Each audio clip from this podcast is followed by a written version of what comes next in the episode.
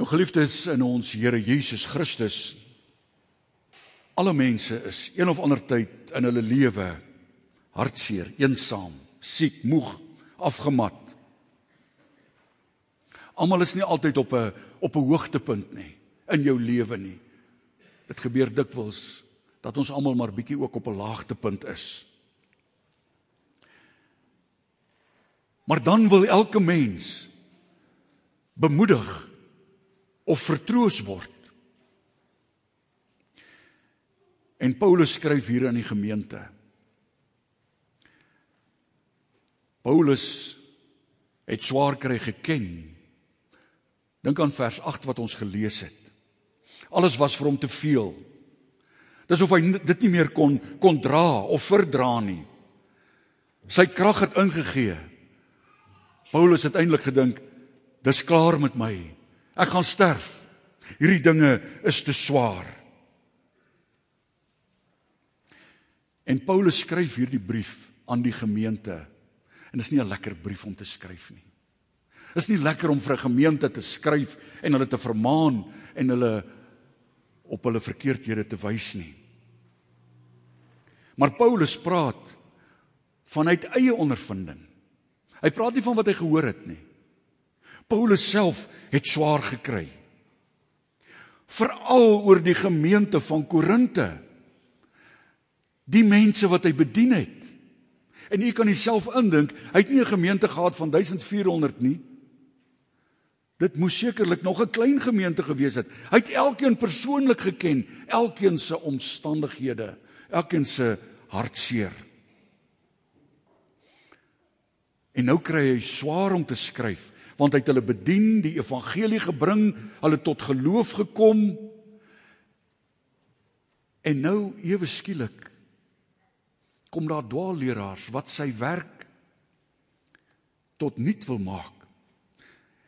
Dit het Paulus se bediening baie swaar gemaak. 'n Mens sal eintlik dink Paulus het die evangelie gebring en hy moes altyd gesê het kom ons juig want ons is Christene, ons is verlosters.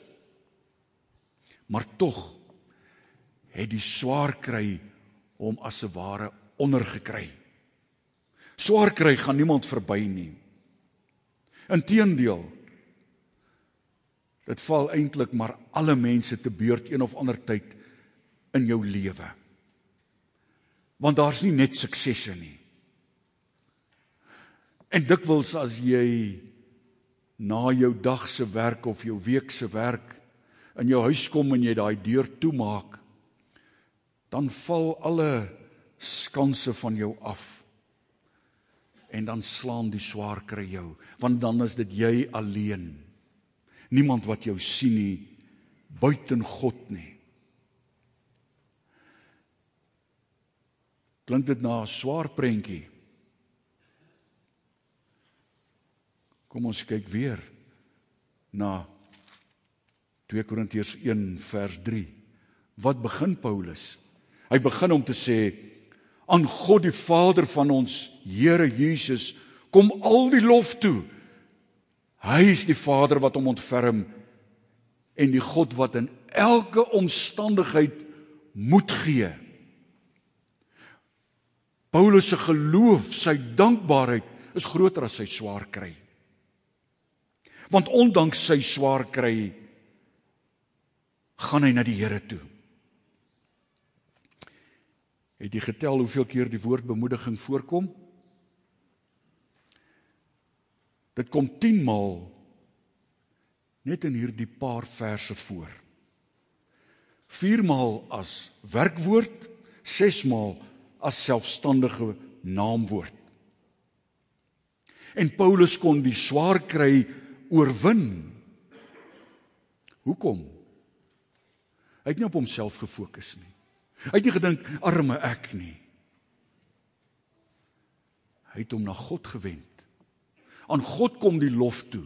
Aan God kom die eer en die dank toe. Daarom die kerngedagte.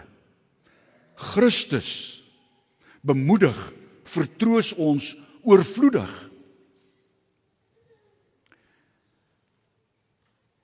Die eerste saak wat God vir ons is in vers 3. En nou moet jy jouself afvra broer en suster, het jy ook al swaar gekry? Wat het jy gedoen toe jy swaar kry? Jy het jou ekstra whisky ingegooi? Het jy pille gedrink? Wat het jy gedoen toe jy swaar kry? Ek praat van regtig swaar kry. Paulus, ons lees dit daar in vers 3. Hy gaan na die Here toe. Hy is die Vader wat hom ontferm, die God wat in elke omstandigheid moed gee. Ek sou besig met die prediking dat ek vergeet het ons moes nog gesing het uit Psalm 34. Maar Psalm 34 vers 1 die beruiming sê in weelde en ongeluk altyd sal ek die Here prys altyd voor hom my lof laat reis. Wat doen jy as jy swaar kry? Paulus gaan na die Here toe. Ons het gelees in Romeine 5 vers 3 tot 5. Swaar kry kweek volharding, volharding kweek egtheid van geloof, egtheid van geloof kweek hoop en die hoop beskaam nie.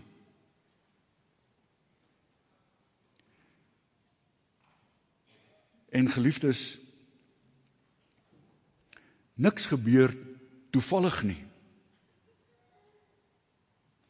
Alles werk ten goeie mee. Daarom in vers 3a Prys God omdat hy God is. Nie omdat hy vir jou iets doen nie. Prys hom omdat hy God is. Hy's almagtig. Hy's ver verhewe bo my en jou. Ek en jy's maar 'n ou ou stippeltjie. 'n Stippeltjie in die skepping. Maar so belangrike stippeltjie. So belangrik dat God sy seun gestuur het. Jesus Christus om swaar te kry wat ek en jy nie sal beleef nie. Uit aan die kruis gehang in die son gehang. God se liefde is onmeetlik groot. Prys hom omdat hy God is.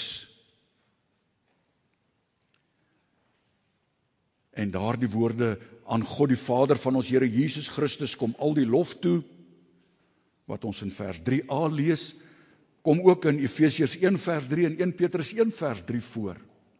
Maar met 'n byvoegsel in Efesiërs 1 vers 3 aan God al die lof, eer en prys wat hy in die verlede gedoen het. Hy het ons uitverkies van voor die grondlegging van die wêreld af. 1 Petrus 1 vers 3 oor die toekomstige seëninge. Ons het 'n lewende hoop. So hierdie swaar kry gaan verby, maar waarna toe is ek op pad? 'n lewende hoop van blydskap, vreugde, 'n bruilofsmaal veel beter as die nagmaal waar Christus self die gasheer is. Lees ons dit Openbaring 21.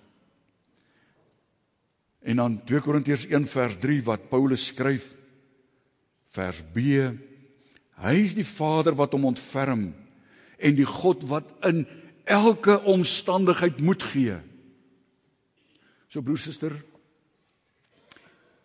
het jy al swaar gekry? Het jy na God toe gegaan?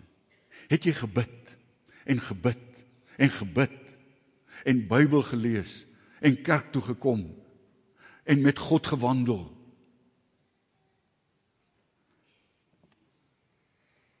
Prys hom omdat hy die Vader van ons Here Jesus Christus is. Prys hom omdat hy die God van genade is.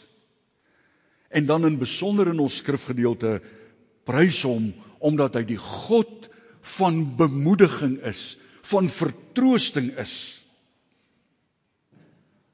Die Hebreëse woord, ag die die Griekse woord vir vertroos of bemoedig, dieselfde stam wat gebruik word 10 maal in hierdie paar verse is parakaleo Hoekom ek dit sê, nie om geleerd te klink nie. U ken dalk Johannes 14 vers 16 waar Jesus gesê het ek sal vir julle 'n ander voorspraak, 'n ander trooster, 'n ander bemoediger stuur, die Parakleet.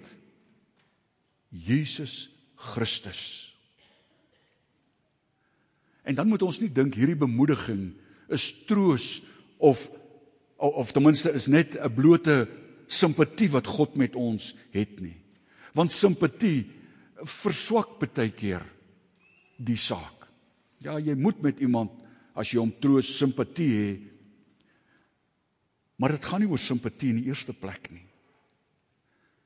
Daarom die vertaling vertroos in die 53 en in die 83 en die 2020 die vertaling bemoedig. Bemoedig jou dat jy in jou swaar kry die moed kan kry. Wat se moed? Nie ek is so sterk nie, maar met God aan my kant loop ek 'n bende storm. Met God aan my kant spring ek oor 'n muur. Met God aan my kant is daar niks wat te swaar of te groot is nie. En daarom ons word versterk deur God. Dis wat Paulus hier skryf. Ons versterking kom, ons bemoediging en hier moet u nie nou dink eh, wat se bemoediging is daar nou nie. Kom ons maak dit prakties. Hoe het Paulus Korinte bemoedig? Hy het vir hulle 'n brief geskryf. Daardie brief het ek en jy nog ons het hom vanmôre gelees. Daar's 'n Bybel. Kry jy swaar? Gaan lees die Bybel. Ek kom nou die dag by uh hier nou die dag terwyl al rukkie terug by 'n suster wie se man oorlede is. En ek vra hoe gaan dit? Sy sê goed. Want kyk hier dominee, ek luister na die Here. Hy troos my. Sy sit met die Bybel. Dis die eerste plek. Dis prakties broer en suster, lees die Bybel. Hoor God wat met jou praat uit die Bybel. En die tweede plek bid. En as jy sukkel om te bid, bid net nog. En as jy nog sukkel, bid langer. Want uiteindelik sal God jou ook lei om 'n gebedsoldaat te word. En in die derde plek, die Heilige Gees sal in jou werk. Christus het die trooster gestuur. En in die vierde plek Waar word jy bemoedig? Hoe word jy bemoedig? Deur jou medebroeders en susters. Het jy bemoediging nodig? Leef mee met die gemeente. Nie net Sondae nie. Bybelstudie, gemeenteetes, enige iets. Leef met die gemeente saam dat jou medebroeder en medesuster jou hand kan vat, omhoog kan hou, soos Aaron en Hur Moses se hande omhoog gehou het en jy die wêreld kan ingaan. Want dis wat Paulus gedoen het. Hy het Timoteus gesoek. Titus, Sostenes, die wat sy hande omhoog gehou het. Ons lees in 2 Korintiërs 7 vers 6 en 7 dat God beur neerslagtig is op. God het Paulus deur Titus opgebeur.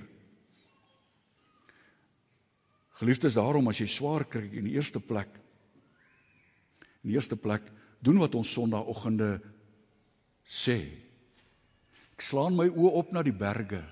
Waar sal daar vir my hulp vandaan kom? My hulp kom van die Here wat die hemel en die aarde geskaap het. God sal vir jou krag gee. So wat God vir ons doen vers 4a. In elke moeilikheid bemoedig hy ons. Daarom kan ons ander bemoedig. Wyle Prof Jan van der Walt het vir ons in die teologiese skool geleer in pastoraal. Hy het gesê broers, Jou geloof is soos 'n dam. Jy moet daardie dam altyd vol maak. Jy as dominee moet Bybel lees, laat jou dam vol is. Dan by die uitloop is daar 'n helder stroom. Dan kan jy bemoedig, dan kan jy preek, dan kan jy God se werk doen.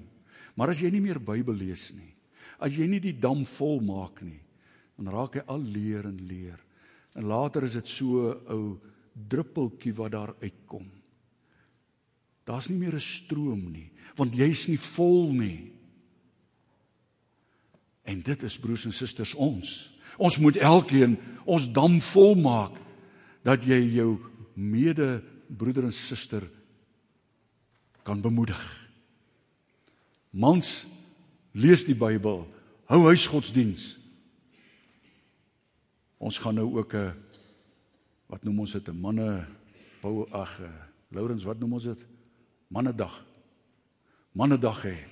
Ons wil juis die manne opnuut versterk om vol te word van die Here.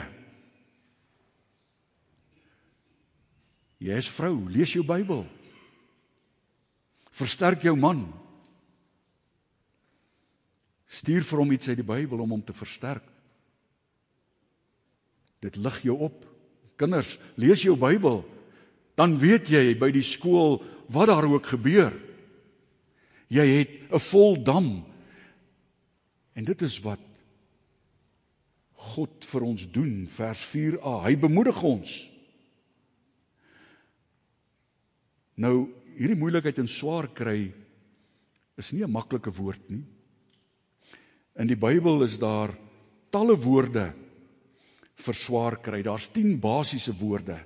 Maar hier in ons skrifgedeelte word dit ook gebruik flipsis, die swaar kry of verdrukking, die lyding. Soms kry ons swaar omdat jy self daarvoor verantwoordelik is.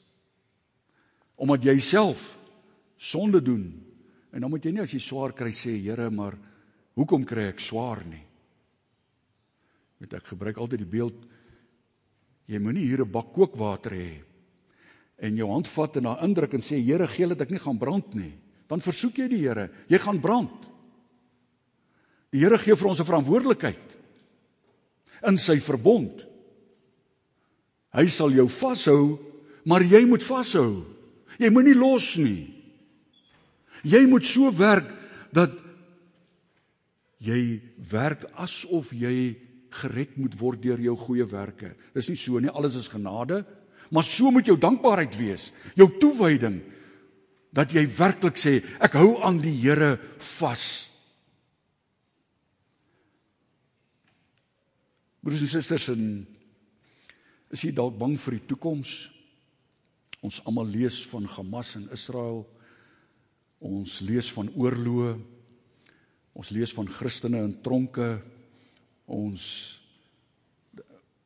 die wêreldbeeld is nie altyd goed wat met Christene gebeur nie. Nie dat ek sê Israel is Christene nie.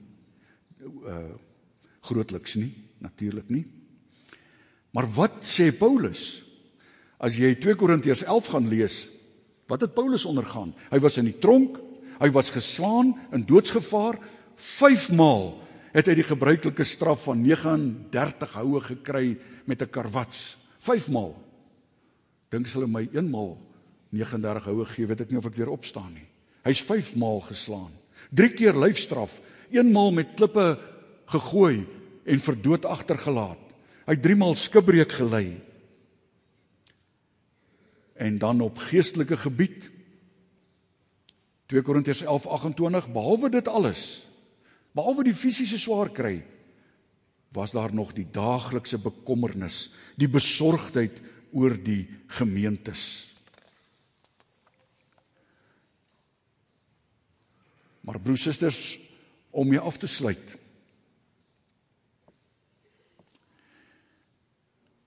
Hierdie swaar kry is nie negatief nie as u verstaan. Hierdie swaar kry is ook in God se hand, want daar's niks toevallig nie. Ja, as jy jou hand in warm water druk en brand, moenie vir God die skuld gee nie. Dis jouself. Maar daar gebeur baie dinge wat ons nie verstaan nie. Hoekom is daar 'n motorongeluk? Hoekom gaan 'n kind dood? Hoekom hoekom swaar kry egskeidings? Hoekom daar's so baie dinge wat ons nie voorvra nie. Ek het nie die antwoorde nie. Ek kan nie sê hoekom dit so is nie, maar lees weer Romeine 5 vers 3. As jy swaar kry, gaan na die Here toe. By die Here is daar troos. By hom is daar vergifnis. By hom is daar bemoediging. En as jy 1 Korintiërs 10 vers 13 uit die koppe kan leer, sal dit u baie help. Geen versoeking wat meer is as wat 'n mens kan weerstaan het om oorval nie. As die versoeking kom, God is getrou. Hy sal nie toelaat dat jy bo jou kragte versoek word nie. Wat daar ook al in jou lewe kom, God sal jou vashou. Maar bly by hom. Kom ons vier die heilige nagmaal. En ons ons word versterk hier om te weet Christus het helse pyn en lyding ondergaan. Hy het betaal vir my en jou sodat ons die lewe kan hê. Die ewige lewe. Amen.